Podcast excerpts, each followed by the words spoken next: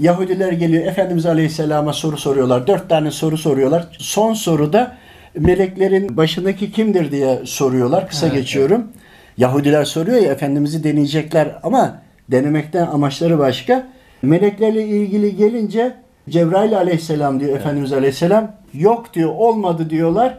Kabul etmiyoruz diyorlar. Toplanıp gidiyorlar. Ayet ve meal açıklamalarını bu böyle anlatılır. Tamam mı?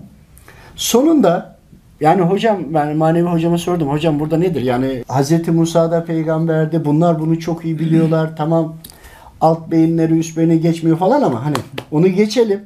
Evladım iblisin Cebrail aleyhisselamla bir husumeti var.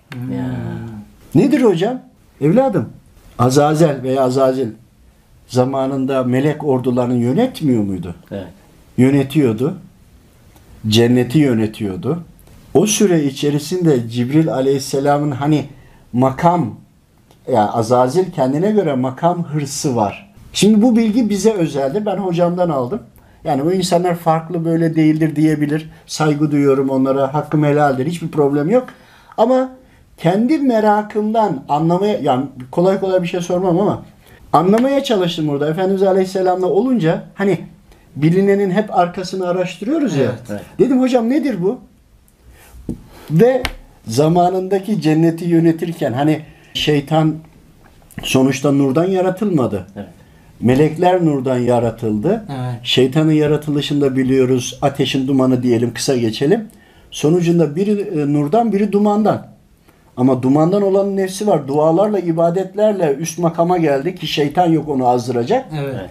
Bu defa ne oldu? Melek sıfatının üstüne geldi. Ama melek değildir. Değil. O farklı, o farklı. Bir insanla cinni nasıl farklıysa onlar da farklı ama orada güç, kudret, yönetim, iktidar hırsı var. Orada bile var ya. Dolayısıyla Azazel yani iblis onun için Efendimiz Aleyhisselam'a o soru sorduruyor kendi uşaklarına, kendi ümmetine. Evet. Yani onun oradaki hırsını anlayabiliyor musunuz? Allah razı olsun. Allah razı olsun. Rabbime emanet olun. Allah razı olsun.